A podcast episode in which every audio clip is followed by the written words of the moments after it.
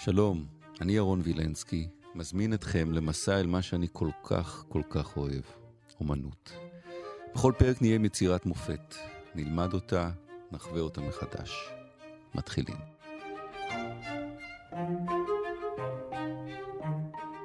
לויניה פונטנה, ציירת ברנסאנס, דיוקן עצמי עם ספינטו, זה הציור דוקטור גיא טל שנקר, שלום. אהלן.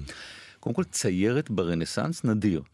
נדיר. דיברנו כבר פעם אחת על אה, ארתמיזה ג'נטילסקי, ולפי בקשת הקהל אה, צריך לדבר על עוד ציירות, אז הנה אנחנו מוסיפים עוד ציירת סופר מפורסמת, שגרה בבולוניה, וציירה עשרות ציורים שקיימים עד היום. זאתי? זאת היא. דיוקן עצמי, בכלל כל הסיפור של דיוקן עצמי הוא נורא מעניין, למה צייר מצייר את עצמו.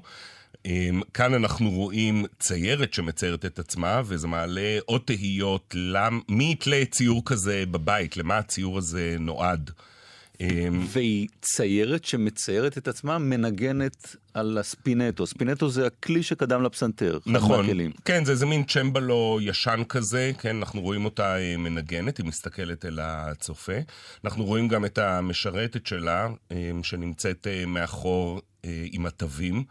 לא כל כך ברור מה היא עושה עם התווים מאחור. זהו, בדרך כלל התווים, לא, כן. התווים מול הנגן והעוזר מעביר את הדפים. לא כל כך עוזר ללוויניה לנגן, אמ, אולי זה בחינה בעל פה, אבל אה, הפואנטה להראות את המשרתת זה כדי להראות כמה לוויניה יפה ביחס למשרתת, זאת אומרת יש כאן הבלטה של היופי שלה, וגם לעשות איזו הנגדה של הביגוד, תראה את לוויניה איך היא לובשת את הבגדים היפים ועונדת תכשיטים, לעומת המשרתת שלובשת בגדים אה, קצת מאפנים בשחור לבן, אין לה תכשיטים. בקיצור, המשרתת כאן באה כדי להרים ללוויניה. כן. בשלב הזה אנחנו מזכירים למאזינים שלנו, אם עדיין לא עשו את זה, להיכנס לזה מנוע חיפוש, ויחד איתנו לעבור, כי אנחנו נעבור כמה פרטים בציור הזה, וקודם כל, אני הולך למבט שלה. וכשאתה מסתכל על המבט שלה, וזה שהיא בכלל לא מסתכלת לכיוון הספינטו הזה, קצת הצגה, זאת אומרת, היא לא באמת מנגנת, היא מעבירה לי, אני לא באמת מנגנת, אני עושה את הפוזה של מנגנת עכשיו. נכון. היא מסתכלת על שני דברים, בוודאות. דבר אחד, היא מסתכלת על הצופה, ותכף נדבר על מי זה הצופה. דבר שני, בגלל שזה דיוקן עצמי, היא מסתכלת במראה.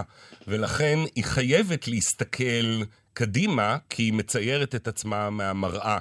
אם היא הייתה מסתכלת הצידה, אז היינו שואלים, איך היא מסתכלת הצידה? היא לא אמורה להסתכל במראה? כי אם זה היה היום, היא הייתה מצלמת את עצמה ומציירת נכון, מהצילום, נכון, מה שעושים. אז זה לא עבד. אז זה לא עבד. כן.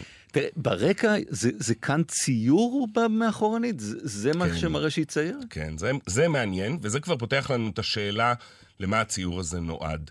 אנחנו רואים באמת את הכאן ציור, אנחנו רואים ליד הכאן ציור עוד uh, שתי תיבות של בגדים. זאת אומרת, יש לנו כאן את הקסונה, כך קוראים לתיבות הבגדים האלה, ואת כאן הציור, ועולה השאלה... למה היא ציירה את הציור הזה? למה? תשובה אחת, התשובה הקלה, זה כדי לשווק את עצמה. זאת אומרת, הציור הזה, אנחנו יכולים לראות אותו כמו כרטיס ביקור. Mm. הציור הזה גם מאוד קטן, נכון? המידות שלו כן, הם... כן, 24 על 27 סנטימטר. ציור פיצי.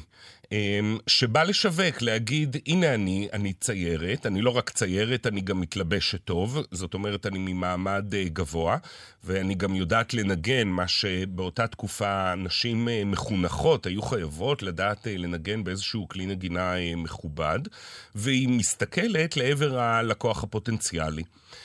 אופציה שנייה, שהיא הרבה יותר uh, הגיונית, זה ללכת לפי הכתובת שנמצאת בציור. זהו, בצד שמאל למעלה יש כתובת. מה כתוב? נכון, um, בצד שמאל למעלה כתוב אני, לויניה פונטנה, וירגו, תכף נדבר על המילה וירגו, בתו של פרוספרו פונטנה, ציירתי את זה מהמציאות ב-1577. זה הטקסט? זה הטקסט. טקסט בלטינית, לטינית כדי להראות שהיא יודעת אה, שפות. אוקיי, וירגו. קודם כל, אה, וירגו, הפירוש הפשוט ביותר זה בתולה. נכון. הפירוש היותר מורכב, וירגו זה אישה עם מעלות טובות. אתה יודע, אליזבת mm. הראשונה אה, קראה לעצמה וירגו אמזונה, זאת אומרת, היא גם אישה מאוד חזקה, והיא גם בעלות מידות טובות, והיא, אנחנו יודעים, הייתה באמת בתולה, המלכה הבתולה. כאן וירגו בא לציין שאולי היא מחפשת בעל. עכשיו, איפה היא יכולה לחפש בעל? היא הבת של פרוספרו פונטנה. פרוספרו פונטנה היה צייר מאוד חשוב בבולוניה, היום אנחנו פחות מכירים אותו. באותה תקופה היה מאוד חשוב. היה לו סטודיו של, אמ, של אסיסטנטים, של אומנים, הוא לימד אומנות. כמובן, היו כולם גברים. היא הייתה האישה היחידה. יכול מאוד להיות שהיא פשוט רצתה לחפש חתן ולהגיד, הנה, זו אני, תראו כמה אני אה, נהדרת. בסופו של דבר היא באמת מתחתנת עם אחד מהאומנים שלמדו אצל אה, פרוספרו. אמ, והם דרך אגב עשו שמה, ביחד... זה, זה מדהים הסיפור הזה. רגע, הם עשו ביחד, תקשיב עכשיו כמה ילדים הם עשו ביחד. כמה? 11 ילדים. וואו. דומה מאוד למי? לוורמר למשל, יאן ורמר, שגם עשה 11 ילדים. אמ, ו... לא, אבל זה שהיא כותבת ככה, כן. כדי לשווק את עצמה. כן, איזה מין... אה, כמו באיזה אתר... אה, כמו אתר אינטרנט, איזה ג'יי-דייט או משהו. בדיוק. נכון. אמ, יכול להיות אז שזה, אנחנו יודעים שהיא התחתנה ב-1577 באותה שנה, יכול להיות שזה לפני, יכול להיות גם שהיא כבר הייתה מאורסת לאותו בחור והציור הזה נועד להורים של אותו בחור כדי לשכנע אותם שכדאי להם להשיא את הבן שלהם לה. אז שתבוא אליהם, תשב איתם לקפה ותכיר לקפ... אותם. ככה נכון, על ציור? כן, כי היא צריכה להראות שהיא אמ, היא טובה באומנות, יש לה כאן ציור מאחור, זאת אומרת שהיא כן. תפרנס. טוב, היא תתרום לכלכלת הבית, וגם יש שני קסונה מלאים, כמובן זה רמז, בבגדים ובטקסטיל ובדברים יקרים. יכול מאוד שהיה בעיה של תזרים מזומנים להורים של לויניה פונטנה, זאת אומרת לא הייתה נדוניה מספיק טובה, והיה צריך לשכנע שיש להם עוד הרבה דברים לתת, למשל חומרים, כן מבחינה חומרית, למשל הטקסטיל הזה וה, והשמלות, וגם העובדה שהיא אה, מציירת. אתה יודע מה מוזר כאן? הכיסא שהיא יושבת עליו. אף פעם לא שמתי לב. כי בדרך כלל פסנתרנים אין להם... אה, אין את המשענת, אתה אומר. אין את המשענת. כן. אה, מוזר, אין לי מה, נכון. כן, אין לי מה להגיד על זה. כי הסתכלתי, אתה יודע, כמי שעוקב אחרי פסנתרנים וזה, נכון, אתה לא יושב נכון. על כיסא כזה. אתה לא נשען, אתה מנגן. אתה מנגן. כן.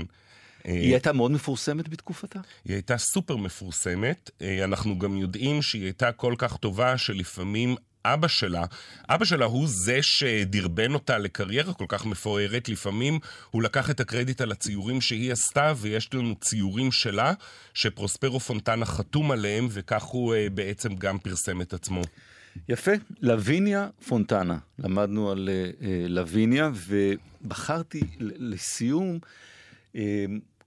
מלחינה איטלקית של הרנסאנס, שגם זה נדיר. Mm-hmm. גיליתי אותה נכון. לפני כמה שנים, ואני שומע מאז הרבה, ברברה סטרוצי קוראים לה, כולם מוזמנים להאזין למוסיקה שלה, מוסיקה נפלאה. ברברה סטרוצי.